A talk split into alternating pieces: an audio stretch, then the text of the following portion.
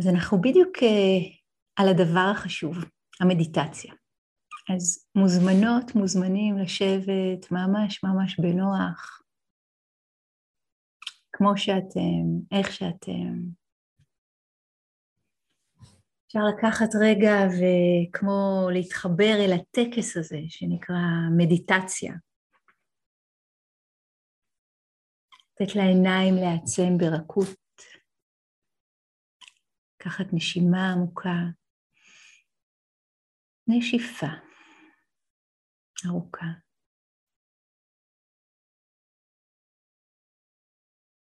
ולאט לאט לתת לה תנועות שלה להגיע to subside, לדעוך. תשומת הלב מוזמנת אל הגוף, אל הנשימה בגוף, אל היציבות הזאת שמחכה להיחשף, כמו הפסלים של מיקלאנג'לו, שמכוסים בשיש, וכל מה שהוא עשה, ככה הוא אמר, זה רק להסיר את המיותר, כדי שהדבר ייחשף. אותו דבר אנחנו, יושבות, יושבים עם החיים שלנו במרכז המנדלה הזאת, שהיא אנחנו. בעצם העצירה וההשקטה עוזרות לשכבות המיותרות להתמוסס ולנשור.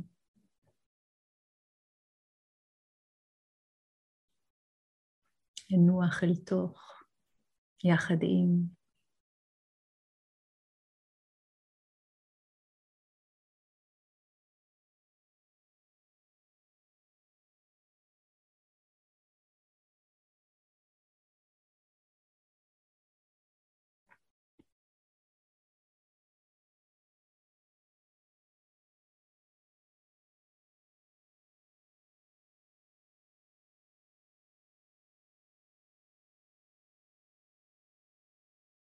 כמה רגעים של שקט, שאולי דווקא בזכותו נשמע את ה, מה שנקרא רעש יותר. לתת לעצמנו את הרשות לחוות מה שזה לא יהיה, שברגע זה מציג את עצמו בלב תודעה שלנו.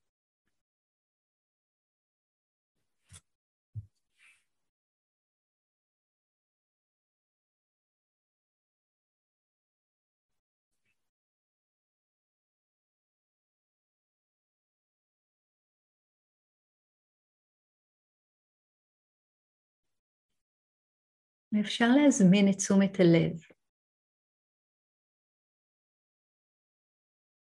לדעת את ההתחלה, אמצע, סוף של הנשימה.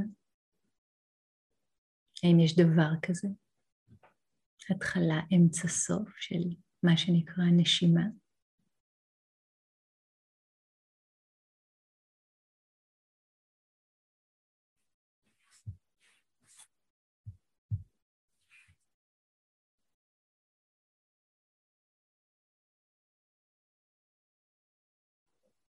שימו לב לתנועה הבלתי פוסקת של הנשימה בגוף, שאנחנו עכשיו מצטרפות, מצטרפים אליה.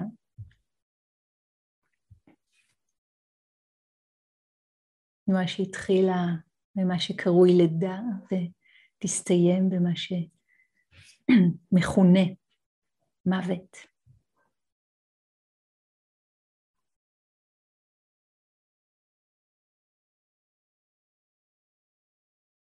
וברגע זה ממש, האם יש התחלה, אמצע, סוף לנשימה? איך נדע מהי ההתחלה, מהו האמצע ומהו הסוף?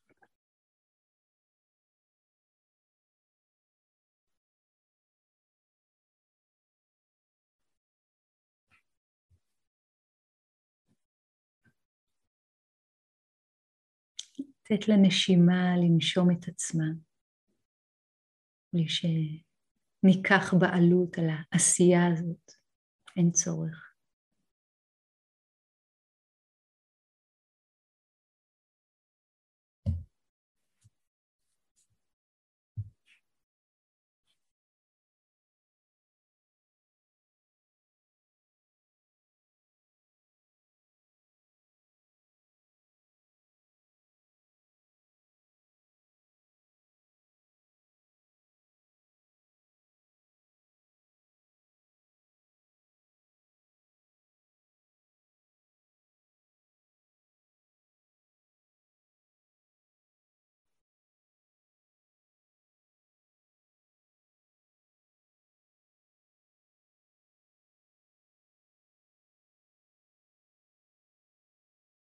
עוד כמה רגעים של זה.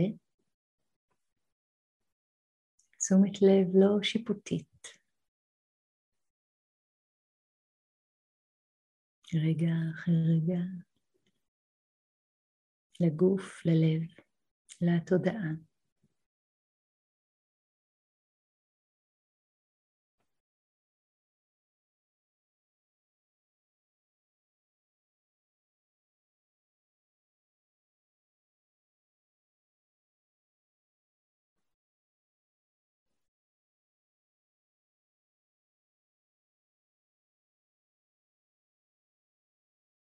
אולי עוד אקסטרה תשומת לב למה שמכונה התחלה, אמצע, סוף, גם של נשימה, גם של מחשבה, גם של תחושה, גם אולי של רגש.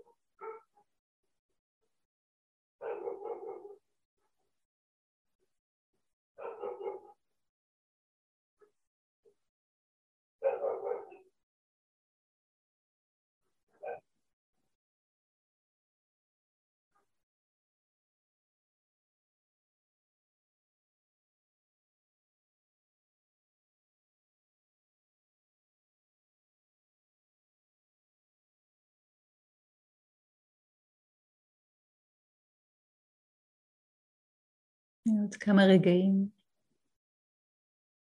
של שהות כזאת.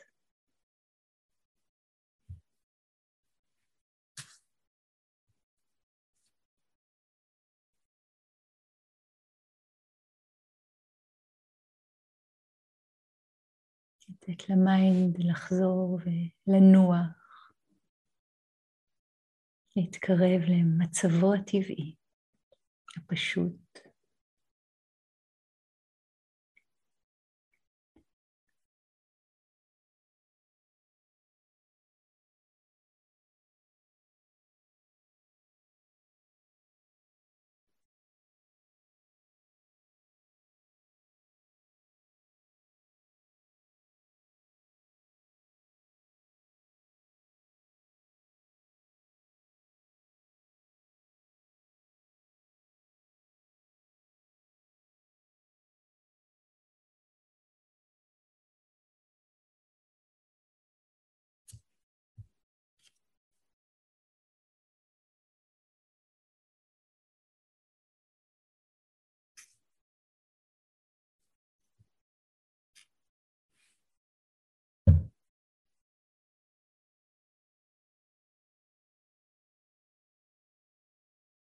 כמו להישען אחורה פנימה לתוכנו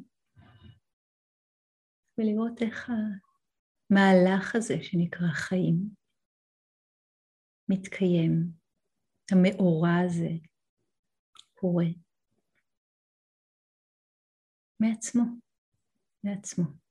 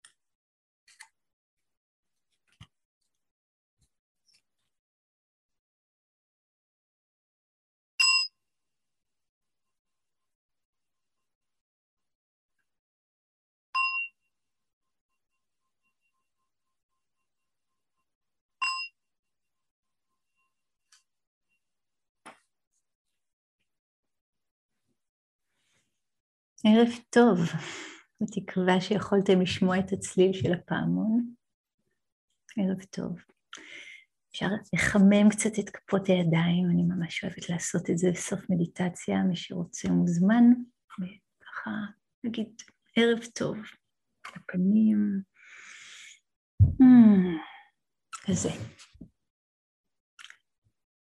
אז אה, שלום לכולם, וואו, איזה דבר זה שכל כך הרבה אנשים מפנים את הזמן בערב יום רביעי בשביל לשבת כאן יחד עם אחד הנושאים החביבים עליי ביותר. ואני כבר רוצה להגיד שאני מלאת הערכה ממש ממש גדולה על, העמותה הזאת, שותפים למסע וכל העשייה הכל כך מבורכת. אני שמחה להיות חלק מהסדרה הזאתי, ותודה שבאתם. ובואו נצלול יחד לתוך uh, החידה הזאת. זה כל כך לא מובן מאליו בעיניי, שבכלל יש את ה... החשק ואת האומץ ואת הסבלנות ואת הכוח ואת העניין לרצות בכלל לגעת בנושא הזה.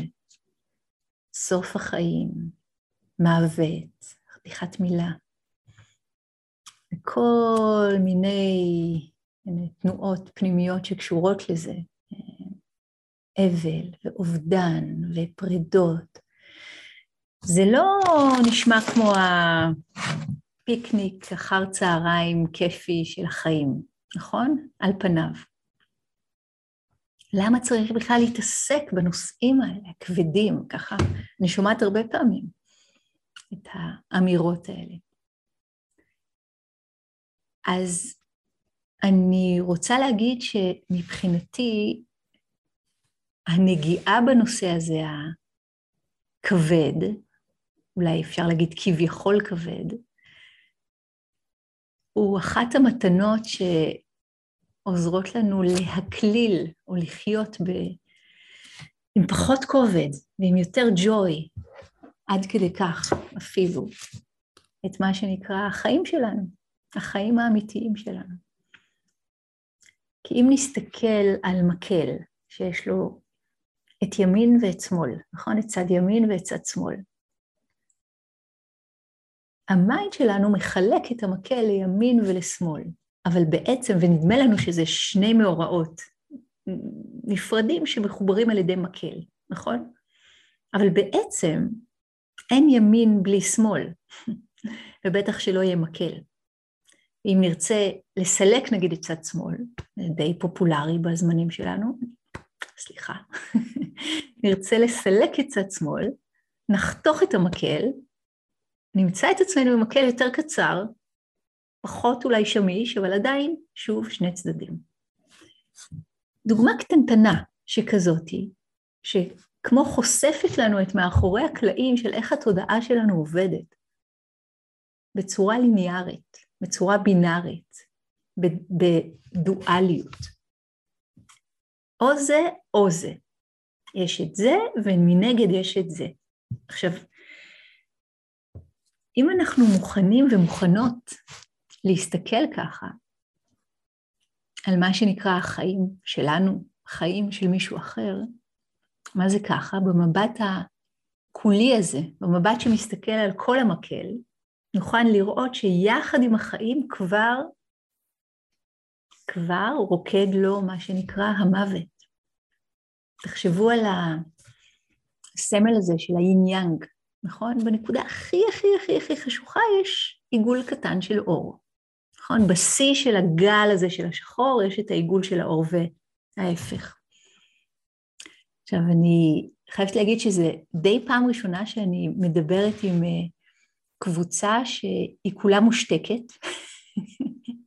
וזה טוב שככה, אחרת היינו שומעים כל מיני טלפונים ברקע, או אפצ'ים, או כלב נובח, עכשיו אתם שומעות רק שומעים רק את הכלבות שלי מדי פעם כזה. זה.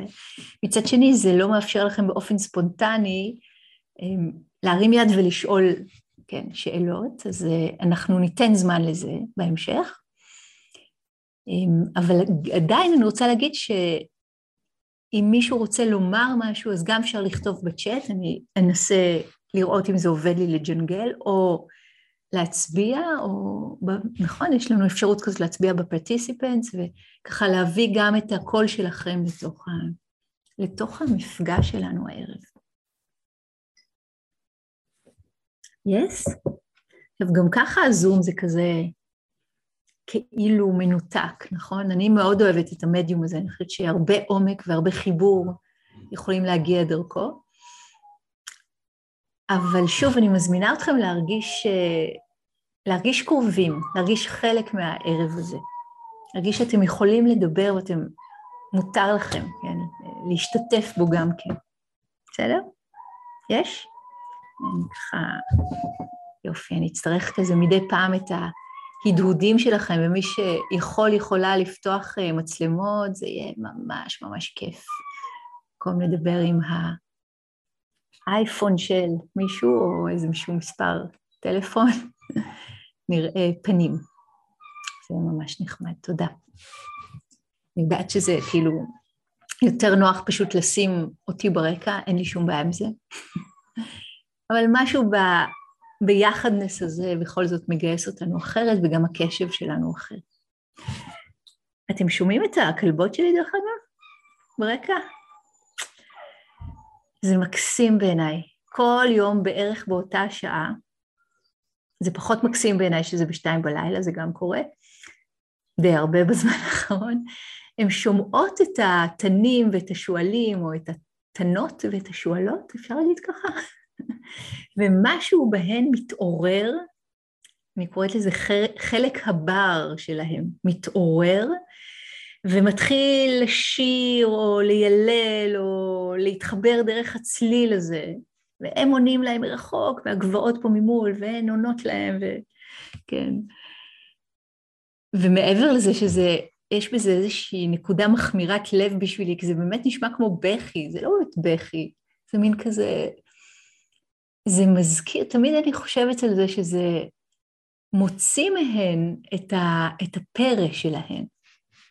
זה כמו ברגע אחד הן שוכחות שהן, הן לא בדיוק אה, כלבות אה, שעשועים, נגיד, הן לא פודליות, הן אה, מין כלבות רועים שהרבה בחוץ פה בחווה, אבל עדיין מאוד מתורבתות. במידה, במידה. בלתי חי יש שתי אלה. וכשהן שומעות את חיות הבר, שהן בכלל לא מתורבתות, משהו בן כמו ניעור לחיים גם כן. ואני רוצה רגע להתעכב על המקום הזה. אני לא יודעת אם יצא לכם לקרוא בשנות ה-80 אולי, יצאו, יצאה סדרת הספרים של אה, קרלוס קסטנדה, שהוא דיבר על, אה, נכון, אה, משנתו של דון חואן, The Teaching of דון חואן, על על שמן אינדיאני משבט היאקי בסונורה, שעשה לו, העביר אותו תהליך של חניכה מאוד מאוד מעניין, עם הרבה מאוד אינסייטים, הרבה, הרבה דמיון לעומק של התורה הבודהיסטית גם, זה ככה מאוד מעניין. בכל אופן, אחד הסיפורים ש... שהוא סיפר שם, זה, הוא סיפר, קרלוס סיפר בעצם למורה שלו, סיפר לדון חואן, על ידידה שהייתה לו, שהיו לה שני חתולים, ומכל מיני סיבות שנשמעות לי, רגע, מדליקה לי תנור פה, שנשמעות לי קצת משונות, היא, אמריקה בכל זאת, היא הם, הייתה צריכה להיפטר ממש ככה מהחתולים האלה, אולי עברה מדינה, אני לא זוכרת כבר את, ה, את הסיפור. ולא הייתה לה שום ברירה, ככה, זה, ככה בסיפור, היא הייתה חייבת להביא את, את החתולים לווטרינר שירדים אותם, ממש ככה, לא יאמן. והסיפור הולך ככה, היא הביאה את שני החתולים בכלובים שלהם לווטרינר, והיא נכנסה עם, ה, עם הראשון שפשוט היה מאוד, אה, חמוד, והמשיך להיות החתול החמוד של הבית, ומין כזה התלטף איתה כזה, והיא נכנסה איתו לווטרינר, וכן, קרה מה שקרה שם. וכשהיא באה לקחת את החתול השני, קרה שם משהו מאוד מוזר. הוא כאילו ידע מה הולך לקרות. וברגע הנכון, ברגע הנכון, הוא קפץ מהכלוב אל תוך הרחוב ונעלם באיזה, כן, מתחת לאיזה מכסה של הביוב. זה היה הסיפור. היא סיפרה את זה לקרלוס קסטנדה, שסיפר את זה לדון חואן, ואני וה... זוכרת, קראתי את זה לפני הרבה שנים, והסיפור הזה מאוד חי בי, כי אחד ההסברים ש... שדון חואן נתן, כן, די התייחס לסיפור הזה בכל מיני אספקטים, אבל משהו כמו התעורר לחיים נוכח מה שנקרא הסוף. משהו שלא היה שם קודם, לפחות בעלת החתולים לא ראתה את זה אף פעם קודם בחתול הזה שלה. הוא היה אמור להתנהג כמו החתול הראשון, ללכת uh, בהכנעה אל מותו. אומרים שחיות מרגישות דברים, אני לא יודעת. אבל הוא לא עשה את זה. משהו התעורר מבפנים וגרם לו לקפוץ וממש על כל הקופה בשביל החיים. הקרבה למוות גרמה לו להיות הרבה הרבה הרבה יותר חי, עד כדי כך שהוא הצליח להציל את עצמו במין טריק כזה שהוא מעולם לא עושה, הוא היה חתול בית. אני מקווה שהוא חי עד היום, לפני הרבה שנים, אני בספק. בכל זאת אומרים שיש להם שבע נשמות, נכון? תשע, כמה? דעות חלוקות. אבל מה קורה במפגש הזה, במקום הזה, שבו עובדת נוכחותו או היותו או קיומו של המוות נהיית in our face. מה זה יכול לעורר? לאן זה יכול להביא אותנו? יכול להיות שהמחשבה הראשונה שלנו, טוב, אני מניחה שלא, זאת לא תהיה המחשבה הראשונה של כל מי שפה, כי בכל זאת אתם פה בסדרה שכזאת ובהרצאות מהסוג הזה, אבל הרבה מאוד אנשים, ואני אומרת את זה מניסיון, כשרק מדברים על הנושא הזה, סוף החיים או המוות, זה כזה לא, לא, לא, לא, לא, למה לדבר על דברים כבדים, נכון? למה עכשיו להכיר את האווירה? יש פה מפתח מאוד גדול, כשאנחנו מוכנים לחבק את עובדת היותנו בני בנות אנוש, עם כל המעגליות של הדבר הזה, עם כל השלמות של הדבר הזה, הרי שבעצם החיבוק שלנו את המוות אל תוך החיים, החיים שלנו נהיים הרבה יותר חיים.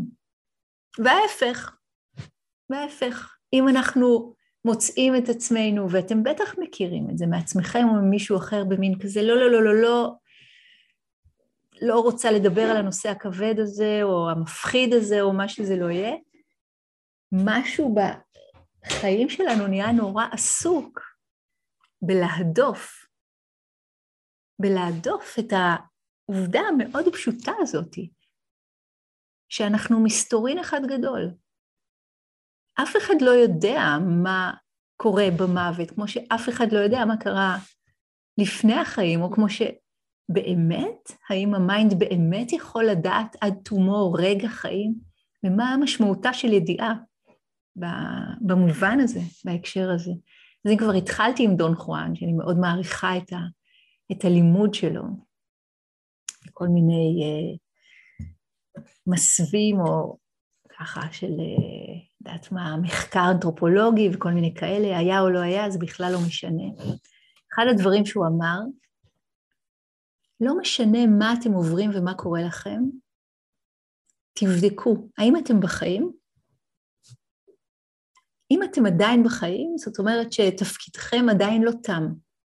זה קצת מזכיר לי את, uh, מי זה היה, נכון? רבי נחמן שאמר, אם האמנת, כן, שאתה יכול לקלקל, תאמין שאתה יכול גם לתקן. תמיד, תמיד, תמיד, תמיד. ודון חואן דיבר על השימוש במוות כיועץ. זאת אומרת, ממש לדמיין את המוות שיושב לנו על הכתף השמאלית, הוא ממש עשה לזה פרסוניפיקציה של הדבר הזה, נגיד. העובדה הזאת, המסתורין הזה, וממש לפנות אליו ולהתייעץ איתו, להתייעץ איתו, לשאול אותו, האם הגעת כבר? האם סוף חיי הגיע? אם לא, אם התשובה היא עדיין לא, פרופורציות. פרופורציות. Okay? אוקיי? אז זה מופיע בכל מיני טיצ'ינגים, בודהיסטים כאלה ואחרים, של לא לשכוח, לא לשכוח את עובדת היותנו בני בנות תמותה. ועצם הזיכרון הזה, שאגב, השורש של מיינדפולנס הוא שורש של זיכרון או היזכרות, הוא זה שחושף אותנו הרבה יותר אל מה שנקרא חיים. הוא זה שמאפשר לנו בעצם את מה שנקרא חיים. זה make sense, אתם איתי על הנקודה הזאת? קורה משהו מאוד מעניין שאני מבחינה בו שוב ושוב. במשך uh, הרבה שנים הייתה לי באמת זכות גדולה, הרבה לפני שככה זה היה כמו היום, יש, uh, יש ארגונים ויש אנשים טובים שחלק גדול מהם יושבים כאן היום, וזה זה נהיה, הנושא הזה יצא מחדרי חדרים, ממגירות מוחבאות לנחלת הכלל, היכולת בכלל להיות בסוג כזה של ליווי רוחני. זה די מדהים, כן? יצא מהסוד, יצא מהארון המוות. אז היו שנים שבאמת הייתה לי זכות גדולה ללוות אה, כמה אנשים בדרך, כמה נשים. ואני זוכרת פעם אחר פעם, כל פעם היה נורא במקרה, ואיכשהו זה נהיה, ואיכשהו זה נהיה, ואיכשהו זה נהיה, ומצאנו את עצמנו בחתיכת הרפתקת חיים ביחד. כי הקרבה למוות, אמרתי קודם, מאוד מחדדת את החיים שבנו. וזה קרה שוב ושוב ושוב. זה היה פשוט מדהים. כשאנשים שאני זכיתי לפגוש קיבלו את מה שנקרא הבשורה, האינפורמציה, אפשר רגע רק לדמיין מה זה יכול לעשות ללב, תודעה, לחיים, החיים כבר לא נראים אותו דבר לפני ואחרי. בטח יש כמה מכם ש... יודעים על מה אני מדברת היטב. מה שאני ראיתי שקורה, זה בדיוק מה שקרה לחתול השני. משהו התנער, התנער כמו ניער מעצמו את המיותר, את השכבות האלה, כמו שבמדיטציה שהנחיתי קודם, עם הדימוי של מיקלנג'לו והפסל, שהוא חושף אותו מתוך גוש השיש, משהו התנער מתוך כל השכבות האלה של של המיותר, ונהיה הרבה יותר בחיים. הרבה יותר בחיים. אתם איתי? זה, זה, זה, זה מובן לכם? זה מוכר לכם? הייתי מתה לשאול את כולכם. מה החוויה שלכם בתוך זה, אם מישהו מכיר או מכירה חוויה כזאת. ומה שקרה שם, הן היו תלמידות הכי הכי מסורות שיש. כי אין שום רגע לבזבז יותר. אנחנו חיים במין אשליה כזאת של, טוב, נו, יאללה, כאילו אחר כך, מחר כך. יש בזה, יש בזה גם יופי ומתיקות, שאנחנו לא ב... אנחנו מנסים לצאת מאיזשהו סטרס. זה בסדר. מצד שני, אם אנחנו מחזיקים בתוכנו את, ה, את המחשבה שבעצם אולי המוות קורה לכולם, אבל החוויה שלי היא די שהדבר הזה לא הולך להיגמר, כי אני לא יודעת מה זה הסוף. אז הרבה מאוד מהדברים יכולים למשל להיות להישאר קטנים, לא מושקים מספיק, לא ממומשים מספיק. ואולי אפשר לשאול את עצמנו בהקשר הזה, מה היה משתנה? מה היה משתנה בי? מה היה משתנה בחיים שלי אם הייתי יודעת שיש לי מה? שנה לחיות, יום לחיות, שבוע לחיות, חמש שנים לחיות, התשובות משתנות לפי משך הזמן, נכון? אבל מה היה משתנה? משהו היה משתנה. זה קטע. אם משהו היה משתנה, זאת אומרת, עכשיו אני מחזיקה במחשבה שהמוות הוא לא רלוונטי לי. המוות שלי עצמי לא רלוונטי לי. הוא לא יקרה אולי, או אנחנו יודעים שהוא יקרה אינטלקטואלית, אבל איך זה קשור אליי? אני רוצה להגיד שכמתרגלות ומתרגלים אין דבר יותר קשור מזה. אנחנו מחפשים what will make us come alive, מה מחיה את הלב שלנו, מה פותח את הלב שלנו, וכנגד כל הסיכויים דווקא החוויה הזאת, ההיכרות הזאת מקרוב עם עובדת היותנו בני חלוף, הרבה פעמים היא עושה את זה, לא תמיד, אבל הרבה פעמים היא עושה את זה, היא מורידה את הכסות, היא מורידה את המסך. ומשהו נהיה הרבה יותר חי. ממש ככה, חי ובועט. אז אני תכף אספר לכם על אה, שני סיפורים שרציתי להביא לכאן, כי זה גם לזכרן, שתי נשים כל כך יקרות שזכיתי ללוות. זה היה כבר לפני הרבה שנים. אני, מדבר, אני מדברת אליהם, אתם עוד לא מכירות, מכירים אותם, אני כבר כזה מתרגשת ומתחילה לצחוק, כי רוב מה שהיה בליווי הזה היה פשוט מצחיק, באמת, אני לא רוצה לצבוע שום דבר בוורוד, כן? היו גם קטעים ממש קשים וכואבים, אבל הרבה היה פשוט ממש ממש מצחיק. אז לפני שאני אספר על שתיהן, שני סיפורים קצרים, אני רוצה לקרוא לנו שיר שתרגמתי, שהיא משוררת נהדרת בשם מרי אוליבר. מרי אוליבר. שהשיר נקרא כשהמוות יבוא. כשהמוות יבוא, כמו הדוב הרעב בסתיו. כשהמוות יבוא וייקח את כל המטבעות הנוצצים מארנקו כדי לקנות אותי ויטרוק את הארנק בנקישה. כשהמוות יבוא כמו אבעבועות רוח, כשהמוות יבוא כמו קרחון בין השכמות, אני רוצה לפסוע מבעד לדלת, סקרנית ותוהה. איך זה יהיה בבקתה זו של האפלה? ולכן אני מתבוננת בכל, כי באחוות אחים ואחיות, ואני מתבוננת על הזמן כעל לא יותר מאשר רעיון. ואני מביטה אל הנצח כעל עוד אפשרות נוספת. ואני חושבת על כל חיים כעל פרח, שכיח כחרצית השדה, וכמוהו יחיד במינו.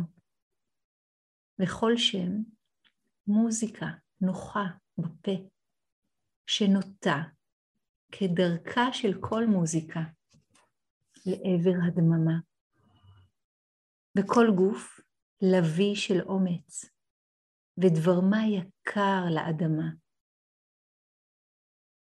כשזה ייגמר, אני רוצה לומר שכל חיי הייתי כלה הנשואה להתפעלות. הייתי החתן שלוקח את העולם בזרועותיו. כשזה יסתיים, אני לא רוצה לתהות אם עשיתי מחיי משהו ייחודי ואמיתי. אני לא רוצה למצוא את עצמי נאנחת ומבוהלת או מלאה בטיעונים. אני לא רוצה בסופו של דבר להיות מי שסתם ביקרה בעולם הזה.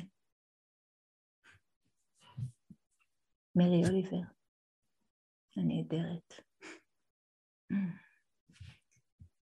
כשהמוות יבוא, וכבר השם של השיר מרמז על הדבר הזה שרציתי, כן, רציתי להגיד כאן, שאנחנו מדברים ומדברות על חיים שלמים של למידה, על חיים שלמים של תהליך, שמביאים אותנו למקום הזה, למקום הזה של המפגש עם הלא נודע.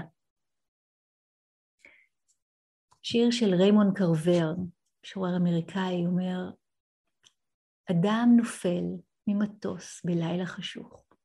פתאום הוא מגלה שאין לו מצנח. פתאום הוא מגלה שאין קרקע. זהו, זה השיר. אנחנו רגע יכולים ויכולות להתחבר לחוויה הזאת. אני כל כך הרבה מצטטת את השיר הזה, הוא בעיניי מתאים לכל רגעי החיים שלנו כמעט. החיים על סיפו של הלא נודע, החיים על סיפו של המסתורין. הרגע הזה שבו אנחנו נופלים, הנפילה הזאת, נכון? בבטן, אנחנו מרגישים אותה, אתם מכירים את זה? לפעמים יש חלומות כאלה, או רגע לפני שנרדמים, יש מין תחושה כזאת של הקרקע נשמטה מתחת לרגליים, וכל האינסטינקט שלנו זה כזה להיאחז במשהו כדי לא ליפול. אבל אז אנחנו מגלים, מגלות שאין קרקע. זאת אומרת, אם אין קרקע זו לא נפילה. אם אין קרקע, כל ההגדרה משתנה. כשאנחנו מדברים על מוות, אנחנו מדברים על ההפוך של החיים בדרך כלל. למה? מה אם זה לא ההפוך של החיים? מה אם נסכים להסתפק ב... כמו שאיינשטיין אמר, בהתפעלות מהמסתורין? זה החצי השני של המשפט. החצי הראשון הוא אמר, העתיד לא מדאיג אותי, הוא מגיע בזמן. אני עצמי מסתפק בהתפעלות, בהתפעלות מהמסתורין. והרבה מהדבר הזה קשור קשר הדוק לאיך אנחנו חיים וחיות את חיינו במה שנקרא רגע ההווה, moment by moment by moment by moment. כי obviously, אם נחיה את חיינו עם הרבה מאוד תרגול של חמדנות, טינה, תעתוע, שנאה, אה, קוצר רוח וכל הדברים האלה, למה שזה יהיה אחרת כשנפגוש את המסתורין הגדול? ואם נחיה את חיינו עם יותר התכוונות של יותר אהבה, יותר חמלה, יותר רצון טוב, יותר נתינה, יותר אורך רוח, יותר שלווה, וכולי וכולי וכולי, למה שזה יהיה אחרת כשנפגוש את המסתורין הגדול? בעצם, אנחנו מתאמנות ומתאמנים בכל רגעי חיינו אל המפגש הזה, לפגישה הזאת עם המסתורין הגדול. ותכלס יש לנו free samples כל הזמן. כל הזמן, שמתם לב לזה? נדמה לנו שאנחנו יודעים מה זה הדבר הזה שנקרא חיים ושהוא ברור ואנחנו בשליטה וטה-טה-טה, מכירים את זה? אנחנו בשליטה כאילו. מי באמת חושב פה שהוא, טוב, זו שאלה מכשילה, וגם אתם לא יכולים לדבר, אתם יכולים להרים יד, מי באמת חושב או חושבת שהם שולטים על החיים שלהם? עכשיו אתם לא מעיזים להרים יד בכלל. אבל בכלל זה איזושהי טעות תפיסתית שהחיים הם שלנו.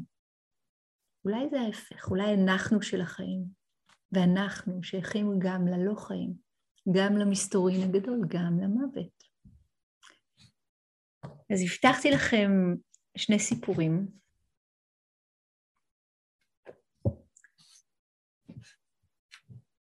בגלל שלא קיבלתי את הסכמתה, ואני כבר לא יכולה לקבל את הסכמתה, כי היא כבר לא מדברת יותר, כי היא כבר כמה שנים, כמה וכמה שנים לא בגוף, אז אני אקרא לה שין. ושין הייתה אחת הנשים המופלאות, המצחיקות, האינטליגנטיות, מאוד מאוד מאוד, שהתהלכו פה על פני האדמה, עם מידה לא מבוטלת של ציניות ו... ככה הרבה, ככה היא תיארה לי את עצמה בלפני, הרבה ככה עוינות וטינה ותחרותיות וכל הדבר הזה, וכשהיא אה, קיבלה את הבשורה, כי במקרה שלה זאת הייתה בשורה, גידול מאוד מורכב במוח, שבסופו של דבר אה, היה הסיבה לסיום חייה והמעבר למסתורין הגדול. מאישה בריאה לחלוטין, בוקר בהיר אחד, טראח. וכמו שהיא סיפרה לי, כשהיא קיבלה את הבשורה, היא פגשה את הבן שלה, ובמשך שעות ארוכות הם עשו מה שהם לא עשו מעולם. ישבו ודיברו ודיברו ודיברו ודיברו וצחקו ובכו וסיפרו סיפורים ונפגשו. והכמה שעות האלה, זה הרבה שעות, היו כל כך מטלטלות בשביל שניהם in a good way, כן? שהם כמובן כוננו את היחסים ביניהם אחרת לגמרי מאז ועד הסוף. אבל זה היה כל כך שוק, הייתה ביכולת רפלקסיה גם כמובן על הדבר הזה, אמרה, אבל למה חיכיתי כל כך הרבה זמן? למה רק, סליחה, למה רק עכשיו, כשאני שמעתי על עובדת היותי בת חלוף, ויש אפילו איזשהו ניסיון לנחש את תאריך התפוגה שלי, למה רק עכשיו? ירדו ממני שכבות השיש, דימוי שלי, כן, המיותרות, ואני יכולה לפגוש. אז אתם יודעים, אני תמיד אומרת שהדרמה, התרגול והלימוד שמובילים אל החופש, הם סוג של buffer, אם תרצו, הם סוג של הכנה, הם סוג של גלגלי עזר, כדי שלא נגיע אל הרגעים האלה המומים לגמרי, וכן, אלא רגע אחרי רגע אנחנו יכולים להתאמן במפגש הזה עם מה שקרוי החיים, מה שקרוי המוות. בואו נזיז את שתי המילים האלה הצידה, מפגש עם הלא ידוע, מפגש עם המסתורין הגדול. רגע אחרי רגע. וכל הסיפור תלוי באיך אנחנו נתייחס ל. אז אותה שין מקסימה לימדה אותי כל כך הרבה, הייתי מגיעה אליה לתל אביב, העיר הגדולה, תל אביב תמיד הייתה בשבילי העיר הגדולה, לא משנה איפה גרתי. והיינו מבלות כמה שעות ביחד של פטפוט ודיבור עומק ומדיטציה, בשכיבה היא כבר ככה, מפעם לפעם היה קשה לשבת, זה היה יותר בשכיבה. ואני זוכרת את המתנות של האינסייטים שלה, מעבר לזה שהייתה מצחיקה מאוד מאוד מאוד, היא הייתה ככה מאוד חדה, והעובדת הסופיות שלה גרמה לה לשפיץ החד שלה, שהיה משוח ברעל הרבה פעמים כלפי אנשים אחרים וכלפי עצמה, הוריד את הרעל, אבל נשאר מושחז. אז למשל היא הייתה מדברת על עצמה כעל גוססת למגירה. אותי זה תמיד נורא הצחיק, כמו אנשים שכותבים שירים רק למגירה, אז כאילו, היא הייתה ככה בשושו, גוססת לה למגירה. ומשהו ב... ב... בגסיסה הזאת שלה, כן? הפך את המדיטציות שלה למדיטציות של מאסטר זן. זה היה לא יאמן מה שקרה ל mind שלה. מעבר לחיבור עם הבן, מעבר ליכולת שלה לפתוח את התודעה ברגעי היומיום. אני אתן לכם דוגמה. היה ככה, הדירה שלה הייתה ממוקמת במיקום מרכזי יחסית בתל אביב, ליד, ליד הבימה שם. ולא משנה מתי הייתי מגיעה אליה, היה כל הזמן מין רחש כזה של התנועה ברחוב. לא משנה כמה חלונות היו סגורים, היו שומעים את המכוניות. והיא אמרה לי, ישבנו ככה למדיטציה, זה כבר היה יותר בשכיבה, היא אמרה לי, פתאום אמרה לי, את יודעת, הבנתי משהו נורא גדול. הבנתי משהו נורא גדול. אני בדירה הזאת הרבה שנים, ותמיד אהבתי את הדירה, אבל הדבר, ש... הדבר שהפריע לי בדירה היה הרעש. הרעש. מכוניות 24/7, הרעש, למה זו לא דירה שקטה ועשיתי חלונות כפולים וזה לא עוזר, טטטה. ופתאום אני פה במדיטציה, אני שוכבת פה למדיטציה, אנחנו עושות מדיטציה ביחד, ואני שומעת את הרעש הזה והוא הופך להיות צליל. הוא צליל. אתם מכירים את זה מהתרגול שלכם, נכון? כשרעש הופך להיות צליל, מה קורה? הרי הוא תמיד התחיל כצליל. רעש זה כבר מאורע מסדר שני, זה הדבר הזה שאנחנו עושים לצליל. מי שמכיר את הדרשה על החץ, כן, של הבודה. כשהחץ הראשון הוא התחושה בגוף, החץ השני זה כבר מה אני, היחס שלי כלפי מה אני חושבת, מה אני מרגישה, מה אני עושה מהדבר הזה, כעס, פחד וכולי וכולי. אז במקרה שלה, היא נזכרה בזמן שהיא הייתה בטיול בהודו, והיא הייתה בדלהי. מי שמכם היה בהודו, בדלהי, יש שם כיכר מאוד גדולה עם מלא מלא מלא חנויות, שנקראת Connaught Place, יש שם מלא מלא נתיבים של תנועה. יצא לכם להיות? תעשו לי כזה מין סימנצ'י כזה. יופי, אז אתם תחשבו רגע על הדימוי הזה. כיכר מאוד מאוד גדולה, הרבה נתיבים, נגיד, לא יודעת, חמישה נתיבי תנועה, וכמובן שמונה נתיבים נוסעים בחמישה נתיבים האלה בכל מיני כיוונים הפוכים, ומהומת אלוהים, צפצופים כל הזמן, וחרקה וכל מיני כאלה. כל הזמן, כל הזמן, כל הזמן. היא אמרה, כשהייתי שם, זה בכלל לא הפריע לי. עכשיו, הרעש היה הרבה יותר חזק מאשר הרעש אצלי, אבל זה לא הפריע לי בכלל. אתם יודעים, אני ככה נותנת את הטיצ'ינג הזה בסוגריים, אבל הוא לא בסוגריים בכלל, מה, למה מתישהו משהו מפריע לנו ומתישהו אחר הוא לא מפריע לנו? זה מאוד מאוד קשור למה שנקרא ה-sense of self. כשזה בהודו הרחוקה, זה של מישהו אחר, זה שלהם, זה של ההודים, מה אכפת לי? אני לא צריכה לטפל בזה, לא שלי, לא בגללי, לא באשמתי, לא בזכותי, כזה. יאללה, שלהם, ואני יכולה לחוות את זה אפילו כאקזוטי, זה לא בעיה שאני צריכה לפתור, נכון? אה, מה קורה? כשאצלי בדירה, וואו, זה הופך להיות האני והשלי, צ'אק, מתכווצ'צ'ים שם, מכווצים לנו את הוויור ואומרים, משהו פה בעייתי מאוד. זה כבר לא סיטואציה יותר, הסיטואציה הפכה לבעיה. אוקיי? Okay? אתם איתי? מה ששין הבינה היה בדיוק את זה. והיא יכלה לנוח אחורה, so to speak, על גלי החיים, שיר כזה מאוד יפה. נוח על גלי החיים, הם יישאוך למקום הנכון. יכלה לתת לעצמה להרפות, כי ממילא הגוף היה חלש, ממילא ה mind לא מצא שום מוצא מהסבך הזה של המסתורין. אז יש כמה צלילים, נו, שוין. זה מפסיק להיות הדבר שבגללו אני נאבקת כל כך, והופך להיות, טוב, עוד מאורע בזרם החיים. עכשיו, לצליל עצמו, mind you, לא אכפת בכלל איך אנחנו תופסים אותו. למי שזה עושה את השינוי זה לנו. לנו זה עושה את כל ההבדל. האם אני מתייחסת, איך אני מתייחסת לרגעי חיי?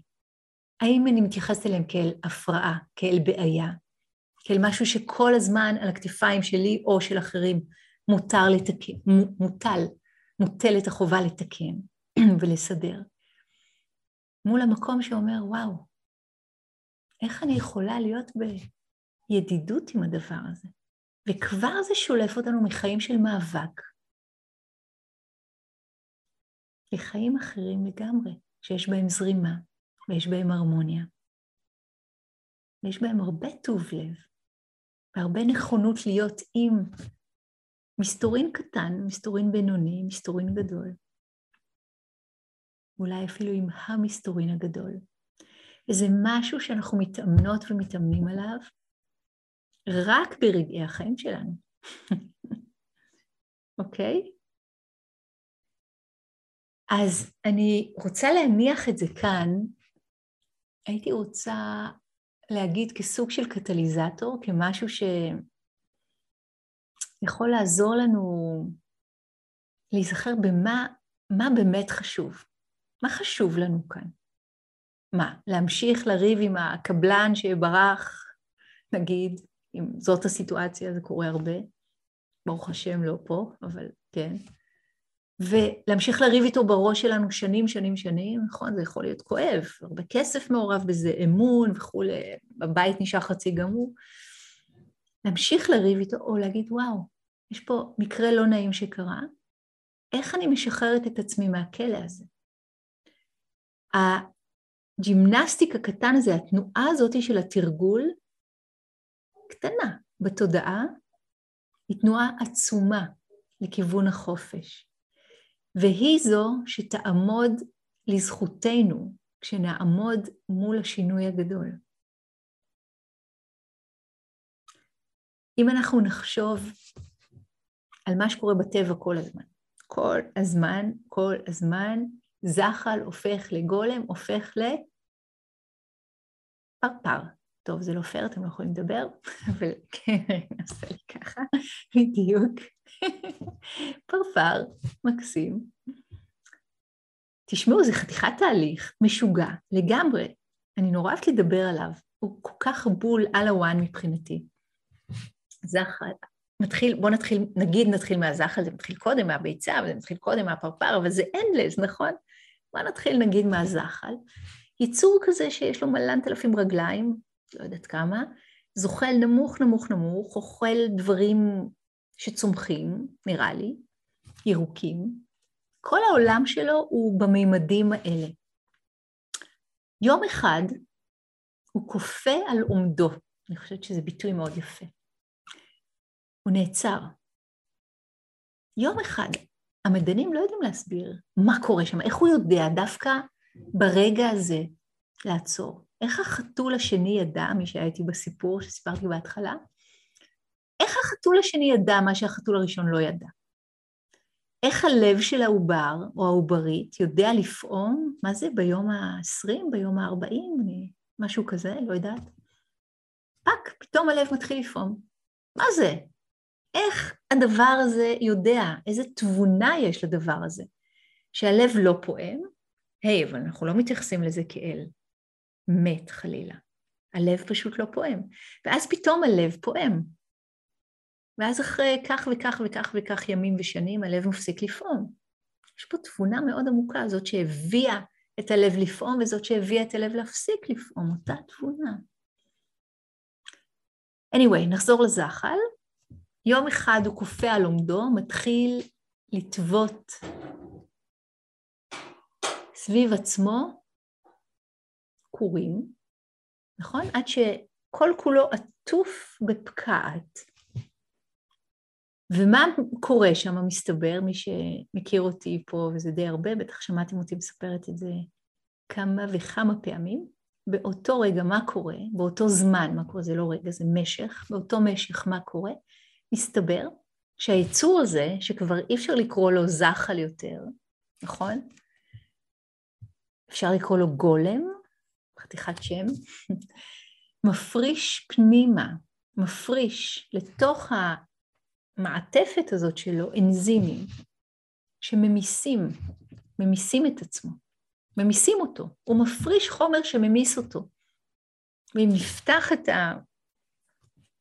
הדבר הזה באותו רגע, אנחנו נגלה שם, במקום הזחל שהתלפף סביב עצמו בקורים שהוא עצמו טבע, נמצא נוזל ירוק שחור.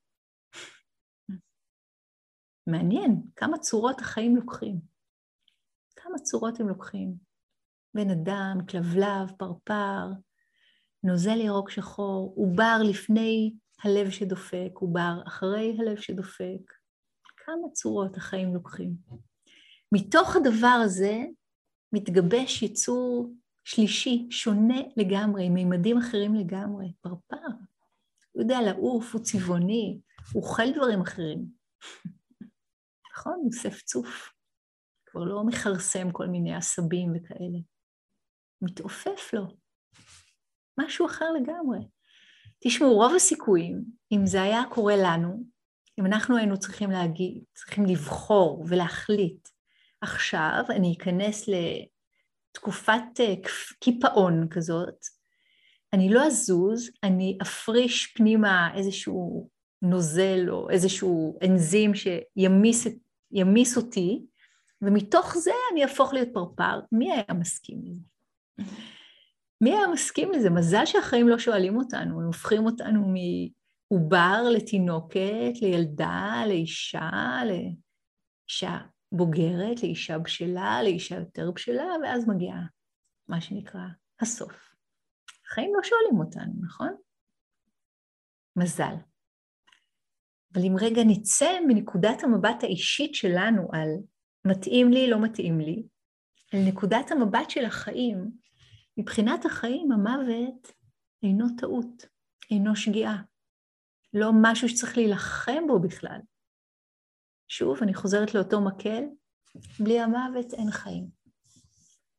בלי מות הזחל אין את חיי הפרפר. ואולי משהו בזה מתחיל להישמע לנו מעניין מספיק בשביל שנכיל פנימה את האופציה המשוגעת הזאת של התחלה וסוף כל הזמן יחד, מוות וחיים כל הזמן יחד, בתוך משהו הרבה יותר גדול מזה. מסתורין, מסתורין.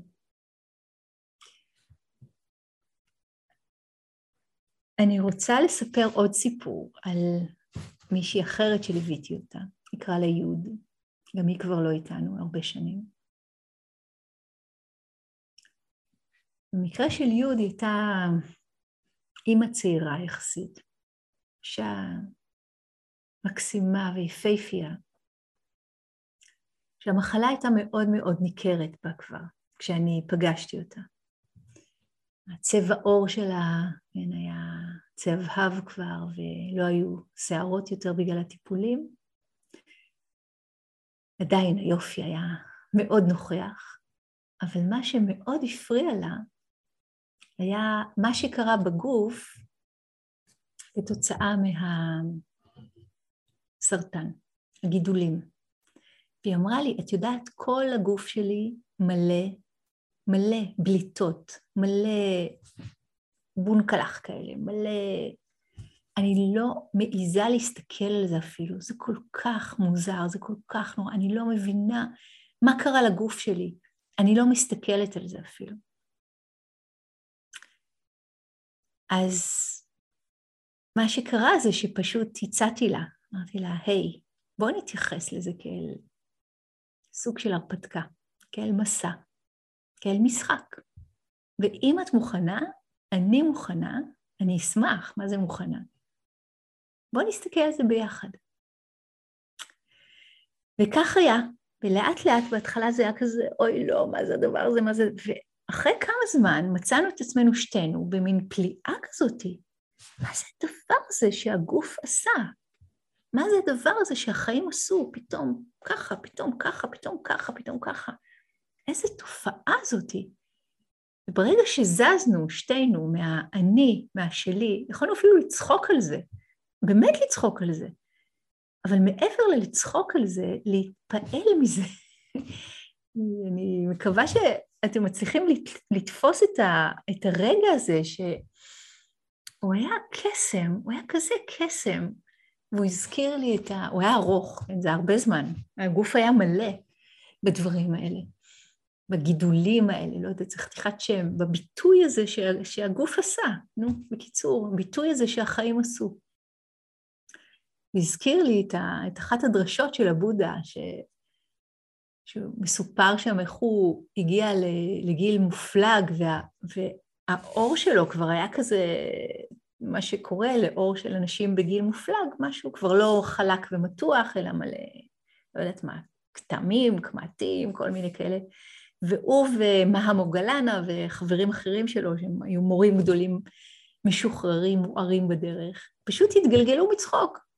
הסתכלו אחד על השני וכל אחד על עצמו, ואמרו, תראה את האור הזה, תראה את הדבר הזה, איזה קטע, מה החיים עשו? ושוב, זה מחזיר אותי שוב ואותנו להתחלה של מה הפך את אה, לב תל אביב לקונאוט פלייס בדלהי. מידת האחיזה או חוסר האחיזה ברעיון העצמי. כי ברגע שאנחנו מסתכלות ומסתכלים על הדבר מתוך הפריזמה של הסלף, הרי קרה לי, או קורה לי משהו. ומה קורה לנו ביחס למה שנקרא החיים, מה שנקרא סוף החיים, המוות, כשאנחנו מסכימים ומסכימות לפתוח את הפריזמה הזאת עוד יותר, קצת יותר, עוד קצת יותר. ובמקרה הזה, יחד עם ההתפעלות מהדבר, או מין כזה, וואו, באמת דבר מעניין ומשונה שהגוף עושה, יחד עם זאת הגיעה הקלה מאוד מאוד גדולה של באמת אפשר להתייחס אל זה צורה נורמלית, לנרמל את זה, כי זה מה שקורה עכשיו. בואי ננרמל את זה, בואי ננרמל את זה, זה מה שקורה עכשיו. זה הסיפור שרציתי לחלוק איתכם. הידיעה על מותנו הקרוב, כמו שהתחלתי להגיד קודם, משמשת הרבה פעמים כזרז רוחני. לא אצל כולם, זה די מתנה כשזה קורה. והרבה פעמים זה קורה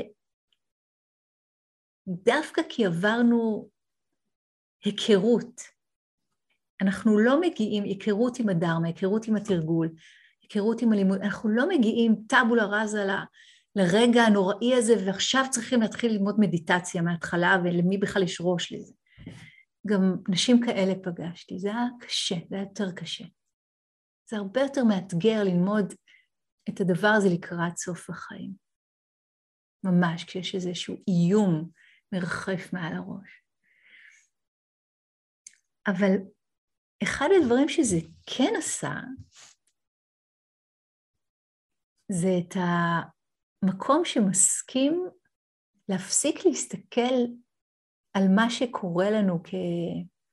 אני מדברת עכשיו על האנשים שקיבלו את, ה... את הבשורה שסוף החיים מתקרב. להפסיק להתייחס לזה כאל משהו כל כך מיוחד. לפעמים הייתי אומרת לשין, הייתה אומרת לי, את יודעת, אה, זה תכף ייגמר, או את יודעת, אה, יש לי תאריך תפוגה. היינו מדברות בשפה כזאת של, אה, הייתי אומרת לה, אל תשוויצי, גם לי יש. פשוט, אנחנו לא יודעות אותו. אנחנו לא יודעות אותו, כן? מה שזה עושה, או מה שזה יכול לעשות, זה להפסיק את ההזדהות גם אם אני זו שעכשיו גוססת, אני זו שעכשיו חולה קשה, אני זו שעכשיו על סף המוות או מתקרבת, אני זו שלא מוגדרת, לא על ידי מה שנקרא החיים, שלי או לא שלי, ולא על ידי מה שנקרא המוות שלי או לא שלי. ואיך זה יהיה לחיות את חיינו כשאנחנו לא מגדירים, אנחנו בראש ובראשונה, לא נגדיר את עצמנו על ידי המהלכים האלה של החיים שלנו, ולא על ידי המהלכים האלה של סוף החיים שלנו. ונסכים להישאר פתוחות ופתוחים, גדולות, יציבים, נוכח הפלא הזה. נוכח הפלא הזה.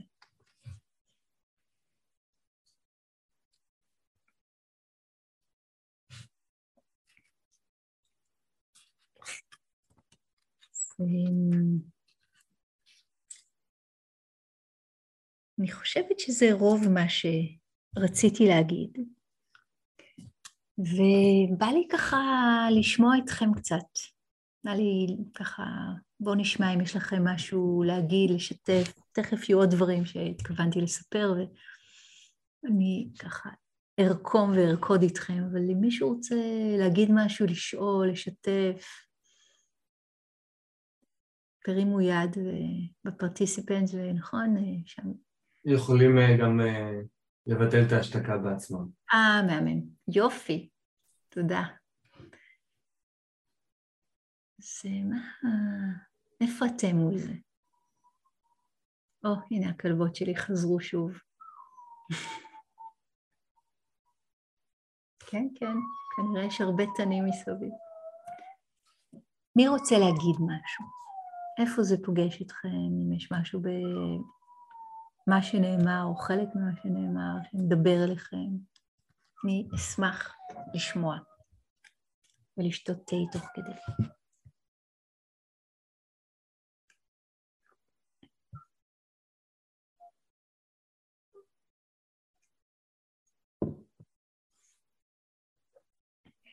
אני רוצה, ערב טוב.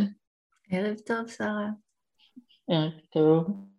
אני ככה מאוד uh, התחברתי למקום הזה, התחברתי ככה די, uh, הייתי גם בשאלה כשסיפרת על האישה שישבה עם הבן שלה,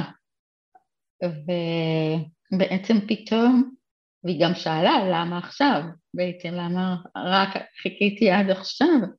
Yeah. וזו שאלה שאני שואלת באמת, למה רק אז מורידים מסכים ומאפשרים את כל החופש ולהיות uh, אתה עצמך ובלי שום מסכה ובלי שום עקבות ואפשר לדבר על הכל. למה ביום יום אנחנו שמים, uh, ככה, ככה לפחות אני גדלתי, אני לא יודעת, ככה אני פוגשת אנשים ואנחנו לא באמת באמת אנחנו. כן, נכון. יופי. ולא לא נעים להגיד, ולא נגיד עכשיו, ולא עכשיו, ולא אתמול, ולא אחר כך. נכון. אז אני מקווה, תודה שרה, אני מקווה שהשיחה הזאת הערב, ובטח גם שיחות אחרות, תעודד אתכם, כן, דווקא בדיוק לזה, לביטוי האותנטי, המלא, השלם של הלב והתודעה של מי שאנחנו בעולם, ושלא נחכה חלילה כן, לאיזושהי בשורה קשה בשביל לשלוף אותנו משם. אז אני חושבת ששאלות הלמה אולי פחות רלוונטיות לנו מאשר שאלות האיך. אז איך עושים את זה? או מה יהיה הקטליזטור שלנו? אני מקווה שחלק מהדברים שאני אמרתי יהיו הקטליזטור שלכם, כי זה בדיוק אחת הסיבות שאני מלמדת. לא לחכות ליום בשורה, להתחיל כאן ועכשיו, אפילו בקטן. כן, זה לא צריך להיות הכנות הרדיקלית עם כל העולם ואשתו, אבל אפילו משהו קטן לקראת, כן? איך אני חיה את חיי באופן יותר מלא, יותר שלם. שימוש במוות כיועץ, המוות אל הכתף השמאלית כל הזמן, מזכיר לי שאחר כך ומחר כך הם ספקולציות. מה אני יודעת? כן? אחת התפילות הטיבטיות שאומרים, ביודעי שהמוות הוא ודאי, הוא בטוח, הוא יקרה, הוא יגיע, נכון? כל הדברים שנולדו, ימותו. ביודעי ששעת המוות אינה ידועה לי. מה עליי לעשות? זה סוג של חידה, כהן. זה מין מהדברים שישר מיישרים אותנו כזה ל... על הוואן, שנייה, אני חשבתי שיש לי את הנצח לפניי. להמשיך להתבחבש, להמשיך uh, לדחות. Uh, כשאנחנו דוחים, אפרופו, אנחנו דוחים את עצמנו. כן? אז מה יכול להעיר אותנו אל תוך החיים האמיתיים האלה שלנו? אז uh, מי רוצה לשאול? עמית? אפשר ב... כתוב לי עמית, אבל קצת אני הייתי שמחה רגע. זה שנפרד, שקבע את ה... רגע, שחווה את הקרבה למוות דרך מוות של קרוב, כן. אז את רוצה, את רוצה לשאול בקול? כתוב לי עמית. לעשות unmute ולשאול טיפה יותר, אתייחס לזה לפי מה שכתוב. שמה שכתוב? טוב. אני שומעת מישהו? טוב. כמה מילים מנקודתו של זה שנפרד, זה שחווה את ה... זה שחווה את הקרבה למוות דרך מוות של קרוב, כן? זה לפעמים יכול להיות uh, קטליזטור מעורר לא פחות, כי זה שוק, כמו שאנחנו חושבים שאנחנו לעולם לא נמות. אנחנו חושבים גם שהקרובים שלנו, אנחנו יודעים את זה בתיאוריה, אבל כשזה קורה לנו זה כזה שוק, זה כזה הלם, כי זה באמת כל כך סופי. אני זוכרת ש...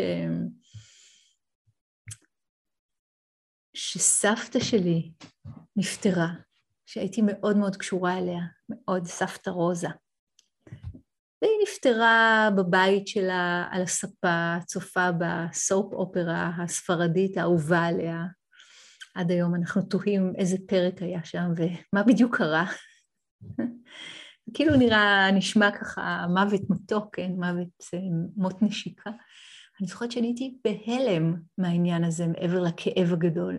מה זאת אומרת אדם כבר לא כאן? אדם שהיה עד עכשיו ויצר סביבו את אינסוף מרחב של לא ידוע, של אפשרויות, ופתאום היא לא קיימת, כל, ה, כל אינסוף האפשרויות האלה נגמרו בבת אחת. וגם מוות של חברה קרובה ש, שהייתה לי, ש, עברה תאונת דרכים בהודו והטיסו אותה לארץ, ואחרי כמה זמן, אה, כמה זמן שהייתי איתה, חודש ככה בבית חולים, היא, הגוף שלה לא, לא עמד בזה והיא, והיא, נפ, והיא נפטרה.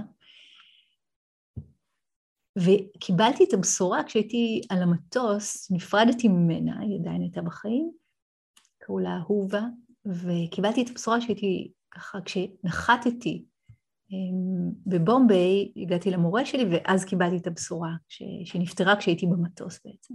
הייתי כל כך בהלם, ובאתי אליו, זה היה ככה מפגשים יומיים איתו, רמש בעל סקר קראו לו, מורה של אי שניות. אמרתי לו, אני לא מבינה את העניין הזה, מה זה? איפה היא? כמו עם סבתא שלי, כן? איפה היא? Where, where did she go? אני זוכרת אותו מסתכל עליי, הוא היה אז בן 90, כן? הוא מסתכל עליי ואומר, והרבה חמלה בעיניים, הוא אומר, where could she possibly go? She went home. אני זוכרת את המתיקות הזאת, כי התשובה הזאת היא טובה כמו כל תשובה אחרת, כן, אין לנו מושג, אבל משהו במתיקות הזאת של הקרבה למוות, האובדן, כן, הכאב, וגם הידיעה ש... וואו, אולי גם זה חלק מהסיפור, פשוט להיספג בחזרה אל תוך האלמנטים, אל תוך העולם, לחזור הביתה, מאיפה שהגענו, מלכתחילה. תודה על השאלה הזאת, כן, מקווה שזה ענה. הרבה אינסייטים יכולים לקרות מעצם הקרבה אל חוד אתר של הסיפור הזה שנקרא חיים, מוות, חיים, מוות, גסיסה, אובדן, כאב, פרידה. בשמחה. עוד שאלה?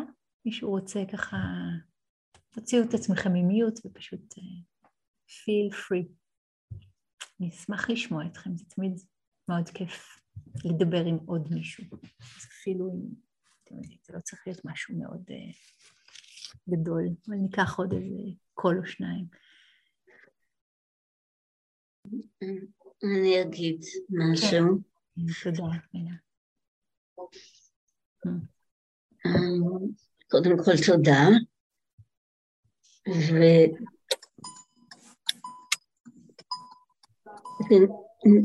נראה, לפחות בתרבות שלנו, התרבות המערבית של המאה העשרים, שהמוות הוא דבר רע. כן. והוא הרבה פעמים עוד לא. דוחים. נכון, התנועה הזאת, כן. כן. ואני חושבת ש...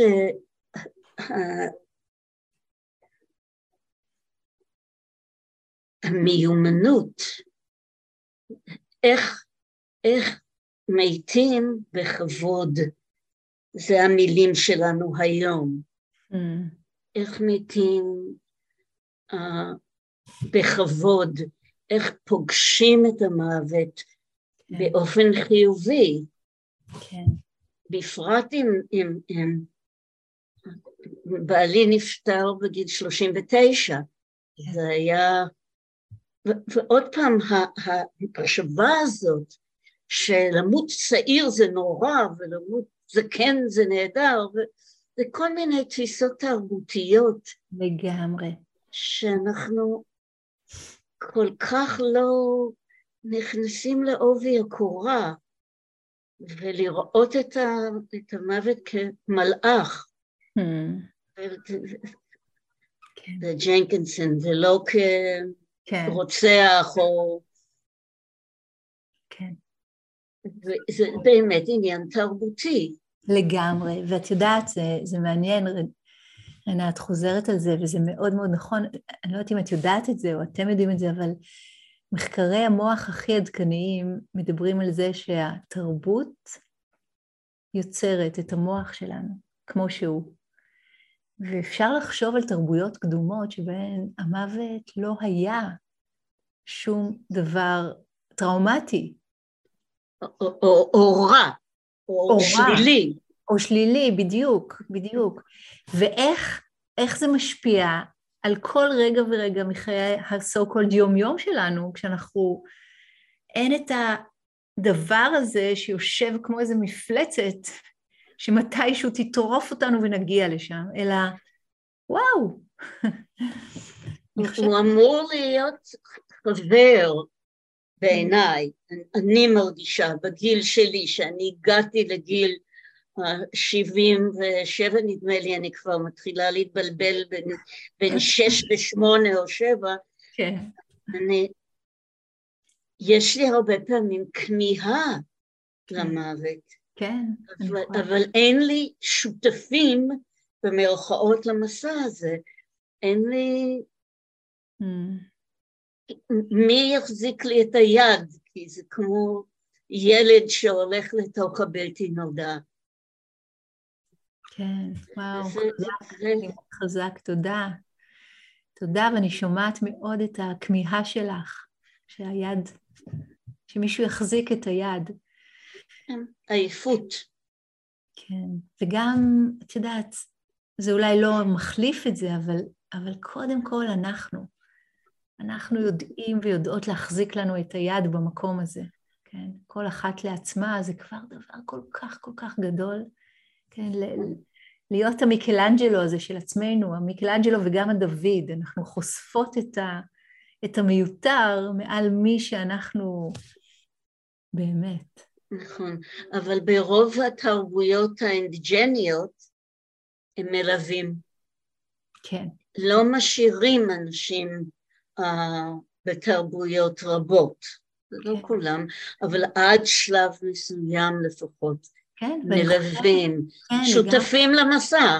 בדיוק, באתי להגיד, ואני חושבת שאנחנו עושים פה, אנחנו עושים פה מהפכה, תכלס. ב- בכמה שנים... הקוביד דרש, כן, בדיוק. אנחנו, אנחנו ממש, תראו את ההבדל, תראו את ההבדל. הדבר הזה, הדבר הזה לא, לא היה יכול להתקיים לפני כך וכך שנים, לא, לא היה לזה מקום, אנשים היו פשוט במין לא, לא, לא, לא, לא, כזאת הכחשה נורא חזקה, ותראו, כבר הדברים משתנים, יש הרבה יותר שותפים למסע, תרתי כן. משמע, זה נפלא. וזה ממש מין הזמנה לכל אחת ואחד להיות האנשים האלה, גם בשביל עצמנו וגם בשביל מישהו אחר. דבר מאוד גדול, אפילו אם לא בפועל, לפחות להחזיק בלב את הדבר הזה שבדיוק כמו לידה, גם המוות הוא לא אסון. תודה, רינה. תודה. אמ, מי רצה, רצתה, רצה, רצתה לשאול? ראיתי שאורית הרימה יד, נכון? כן, הרמתי יד, אבל כן. כתבתי בינתיים בצ'אט, חשבתי שהזמן נגמר. לא, לא, אני רוצה לשמוע אותך כי אני לא יודעת לחלק את הקשב כל כך טוב ביניכם ובין הצ'אט, אז גם לוקח לי זמן. אה, אני רק אומרת שחלק מהמסע הזה של הללמוד את ה- את הדרך ולהיות חלק משותפים למסע, זה עושה את זה לא מפחיד, חלק מהשוטף, חלק מהרגיל שלנו, חלק מה, מהחיים. כן, ו- ואני דווקא, ואנחנו, ואני זאתי שנפרדה, זאת אומרת, במאי ככה, באופן uh, מפתיע. ותמיד עולה לי ככה בראש, כי אני בן אדם מאוד uh, ספקן כלפי עצמי, שהאם אני מספרת לעצמי סיפור, איך אני יודעת שזה באמת, ולא שאני משלה את עצמי ולא מספרת לעצמי איזשהו סיפור. זאת אומרת, אני מאוד עקבית עם הספקות שלי לגבי הדרך שלי. טוב להיות עקביות, לפחות במשהו. במשהו, נכון? כן, אני מרשה לעצמי גם לצחוק על עצמי, זה בסדר. נהדר, זאת אני הדרך. אומרת, איך את- איך אתה יודע שאתה לא משלה את עצמך, ו- ו- וזה באמת אתה, ו- ו- ולא מספר לעצמך סיפור, כאילו, יפ, יפתי, צריך לשאול פה מה זאת אשליה ומה זה סיפור. כאילו, אני שומעת פה הנחת יסוד, כאילו יש אשליה וסיפור ויש את הדבר האמיתי. אני לא זוכרת מי אמר את זה פעם, אבל מישהו אמר את זה פעם, העולם מורכב מסיפורים, לא מאטומים. והכל זה point of view, הכל, הכל, הכל, הכל, הכל, אוקיי? הכל. את כל הזמן אומרת את זה, נכון. נכון. צריכים לשנן את זה. קדימה. תכתבי את זה על המקרר ועל המראה בבוקר, אז כל הסיפור הזה של אני משלה את עצמי. בואי תסתכלי על המקור, כמו שאמרת, זה ספק. יש ספקות שהם מבורכים, והספקות האלה הם מעכבים אותך, הם מפסיקים לך את התרגול, הם מפסיקים לך את ה-well-being. חרם. גם ככה, את יודעת, לא, לא צריך עוד להקשות. אז טוב שהבאת כן. אותם, ויאללה, להיפרד לשלום מהם. תודה. טוב, יש לנו עוד, אה, יש לנו עוד זמן, נכון? יכולה להמשיך איתכם עוד כמה וכמה וכמה שעות, אבל יש לנו עוד קצת זמן עד תשע, יש עוד כמה דקות, אז בכל זאת הייתי רוצה לשמוע אולי עוד מישהו אחרון? תרגישו חופשיים פשוט uh, לדבר, לשתף, זה לא צריך להיות שום דבר uh, דרמטי, אולי כן. אולי מי שבדרך כלל לא מדבר או מדברת. יאללה, קפצו למים. יש? אוקיי, מי זו אווה? את דיברת על שתי אנשים שעברת איתם את, ה, את התהליך, שעברו תהליך אה, אה, אה, אה, כשנודע להם שיש תאריך תוקף, זאת אומרת, התאריך. תפוגה. ואני רוצה... תפוגה. ודיברת על זה שזה יותר קל כשמישהו כבר התחיל דרמה ולמד קצת וזה, ואז באמת קורה משהו. מה קורה כשאתה נמצא קרוב למישהו ש... אין לו רקע בדרמה וכלום, והוא קיבל את הבשורה, והוא לא, אתה לא יכול לעשות איתו כלום, אתה נמצא קרוב אליו ואתה רוצה, והוא לא שמה, הוא... הוא... כן, כן. אה, אני, כאילו, יש לי מכרה ואני נפגשת, ואי אפשר, ו, וכואב לי, כי אני רוצה, אני חושבת שזמן יקר, ו... כן. בשביל... כן. כן. הבנת. תודה, הבנתי לגמרי. תודה על השאלה. תראי, הדרמה היא אינסופית. זה לא שהיא צריכה להיות תלמידת דרמה ולתרגל, ורק ככה היא תעבור את התהליך הזה בצורה המיטבית. היא איפה שהיא, היא לפי הקרמה שלה, לפי העדפות שלה, איפה שהיא נמצאת. ברור שזה יכול להיות סופר מטלטל. ואת כחברה יכולה לבוא אליה בלי האג'נדה של הדרמה, של הנראות, בוא נגיד ככה, של הדרמה, אלא עם האג'נדה של העומק של הדרמה. זאת אומרת, מספיק זה שאת יושבת שם ומקשיבה לה, ונוכחת, בלי לנסות לגרום לה לצאת מאזורי הנוחות שלה, גם ככה היא מאוד מתורגרת. אבל את יכולה להחזיק איתה את המרחב. עצם זה שאת לא נבהלת, שלך יש תרגול, זה המון. אנחנו מדברים היום במדע על אה, נוירוני מראה וכל מיני כאלה, נכון? עצם זה שמישהו אחד רגוע, הנה, חברות שלי מתחילות עוד פעם. תן להם מומנט. כן, כן, מדליקות אחת את השנייה גם. הנה, שמעת את השועל הזה? כן. עצם זה שאנחנו מגיעים או מגיעות ממקום יציב יחסית, גם, זה לא שאנחנו צריכים להיות בודה, אבל משהו בנו יודע יציבות, משהו בנו יודע שקט, משהו בנו מסכים לראות את זה כמסתורין ולא כאסון. רק הקטנים האלה מספיקים, הם מאוד גדולים. ואז כשאנחנו יושבים עם מישהו שרואה את זה כאסון, רואה את זה כטרגדיה, רואה את זה כ... ומשהו בנו מחזיק תדר אחר, זה כבר בפני עצמו משפיע. כן? אז אני באופן מאוד ככה, הייתי אומרת גורף, הייתי מציעה לא, בטח לא לנסות לשכנע אף אחד לעשות משהו שזה זה, זה, זה, ממילא לא עובד, אבל גם לא לבוא עם אג'נדה. האג'נדה היחידה שאנחנו יכולות ויכולים לבוא אליה זה אג'נדת האנושיות הפשוטה. ואנחנו שתינו ביחד בסיפור הזה שנקרא חיים מוות מסתורים. גם חיים ומוות זה רק שמות.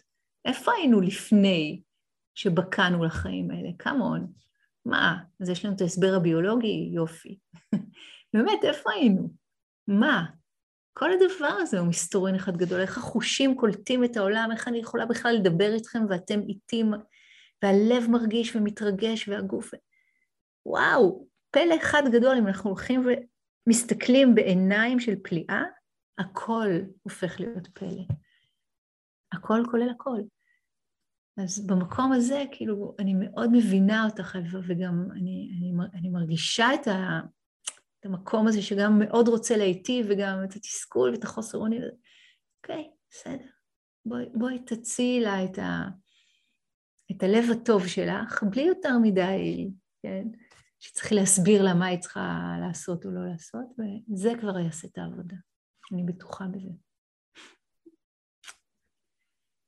אני רוצה רגע, לילה, ברשותך, ואווה, לילה, התשובה שלך הייתה מרגשת, מקסימה, ומצאתי אותה מאוד, אה, את יודעת, אה, מוכרת, כי אה, בעולם הליווי שאנחנו עוסקים משותפים למסע, רוב האנשים שפונים אלינו לליווי הם לא אנשי דרמה בהכרח, הם לא מתרגלי מדיטציה ומיינדפולנס, והם לא בהכרח באים מהעולם הזה, הם מגיעים אלינו ממגוון מאוד רחב של אפיקים. Mm-hmm. רוב האנשים לא בהכרח מוכנים לשיח על סוף הדרך, או על המוות, או על הפחד, או על הקושי. ואת יודעת, כשאווה שאלה לילה אותך את השאלה, ואני כזה מדמיין את התשובה, לא דמיינתי את התשובה הזאת, והיא הייתה כל כך נכונה, כי אני חושב שעצם ההגעה לשם, ואמרת את זה מדויק, לא להיבהל, אנחנו, לא, אנחנו נבהלים פחות, קצת פחות, אה, מעצם התרגול, יש בזה ערך מופלא להמשיך את המסע הזה המשותף ביחד של הליווי, בין אם זה חברה שלך או כל אדם אחר. כן. ו- והלב נפתח שם לאורך הדרך. כן. עצם הישיבה, עצם הנוכחות, עצם ההקשבה, עצם האי-היבעלות, עצם כן. הסקרנות של, את יודעת, לשאול בסקרנות שאלות שאחרים מפחדים לשאול או לא רוצים להתעמת עם התשובות בעצמם. כן. אז אני חושב שבזה יש ערך מאוד גבוה, אז הילה, זה היה מדויק עבורי מאוד, תודה. Mm, איזה כיף לשמוע, תודה. אני רואה שיש פה עוד שאלה אחרונה, אנחנו ממש בסוף, אבל אנחנו כבר כאן, אז איך נפרדים מאדם שהקשר איתו מאוד קשה? וואו, והרבה הרבה הרבה הרבה הרבה הרבה חמלה עצמית וחמלה לאדם השני. כי הקשר קשה, האדם הוא אדם, ובדיוק כמונו, אה, מורה של המורה שלי, הג'אן בודה דסה, היה מתחיל כל שיחה ב-My brothers and sisters to birth, aging, sickness, death. כולנו בסיפור הזה, אחיי ואחיותיי, כן, לידה, מחלה, זקנה ומוות. אז כשקשר קשה, כמו כל דבר שקשה, אם קשה לנו, הגיע הזמן להתרכך סביב הדבר הזה, ולמצוא את הנקודות בתוכנו שמוצאות את הקרבה ומוצאות את חום הלב. זה, זה לא קל, כן? זה לא בהכרח קל לעשות, אבל זה אפשרי, זה לגמרי לגמרי אפשרי, כי הקושי הוא בתוכנו, אנחנו חווים או חוות את הקושי.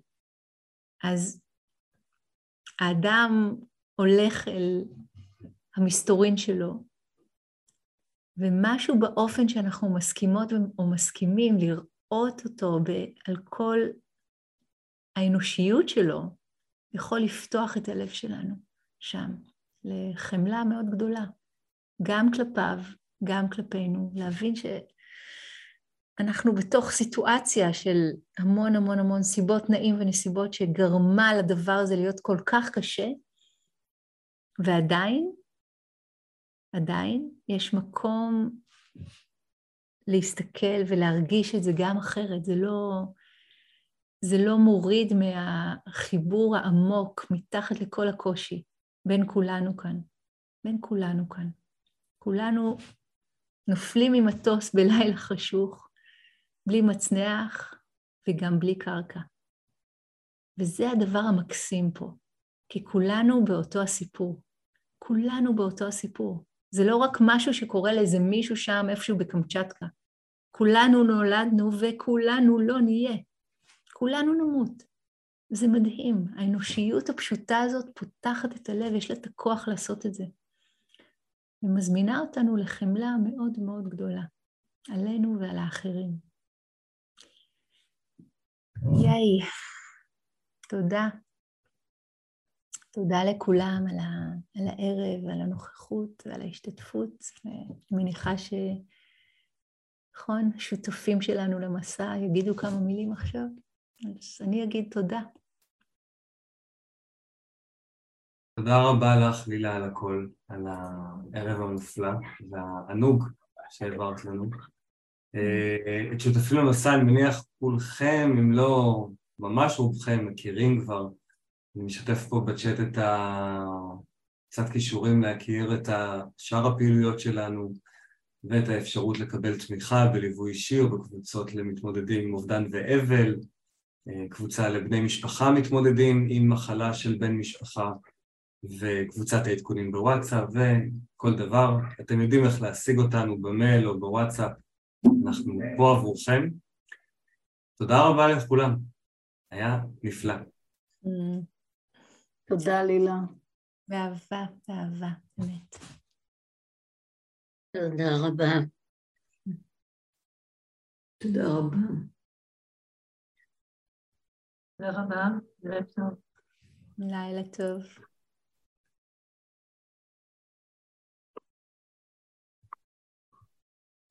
לילה טוב, לילה. ותודה רבה. תודה רבה וערב טוב לכולנו. טוב. תודה רבה, ערב טוב.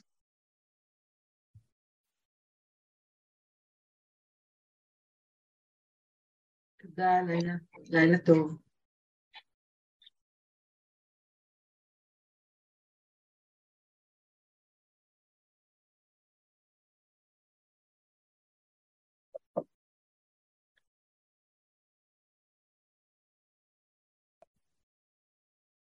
לילה, את פה עדיין? לילה? כן, אני פה. אני איחרתי את ההתחלה, אה, אבל מהרגע שהצטרפתי, אני מרגישה שהיה מסע מאוד עדין, אה, מאוד פיוטי ומאוד יפה. ורציתי להגיד לך שכבר לקחתי לדרך את הסיפור שמישהו גם הזכיר אותו, של האימא והבן, אה, שחמישה ילדים, ואמרתי, באמת, למה לחכות ליום סגריר? כאילו, יש לי יום סגריר מסיבות אחרות, אבל יום סגריר שלי, וכזה mm. הבטחתי לעצמי שאני לוקחת ועושה, ואני קובעת עם כל ילד בוקר בשבוע, ערב בשבוע, אה, כי הילדים מפוזרים פיזית, כן. כרגע אנחנו רחוקים, אבל אין סיבה לא לעשות את זה. יופי. לעשות את זה עכשיו, אז הנה, הינעת אותי לפעולה. יש. אה, ואני מחכה שישלחו לנו את הקישור, אני אוכל לשמוע ולראות אותך מההתחלה. אז באמת הרבה תודה על מסע עדין ויפה. לילה טוב. לילה טוב. זכות גדולה יש לך. נגעת בהרבה אנשים הערב. תודה. תודה.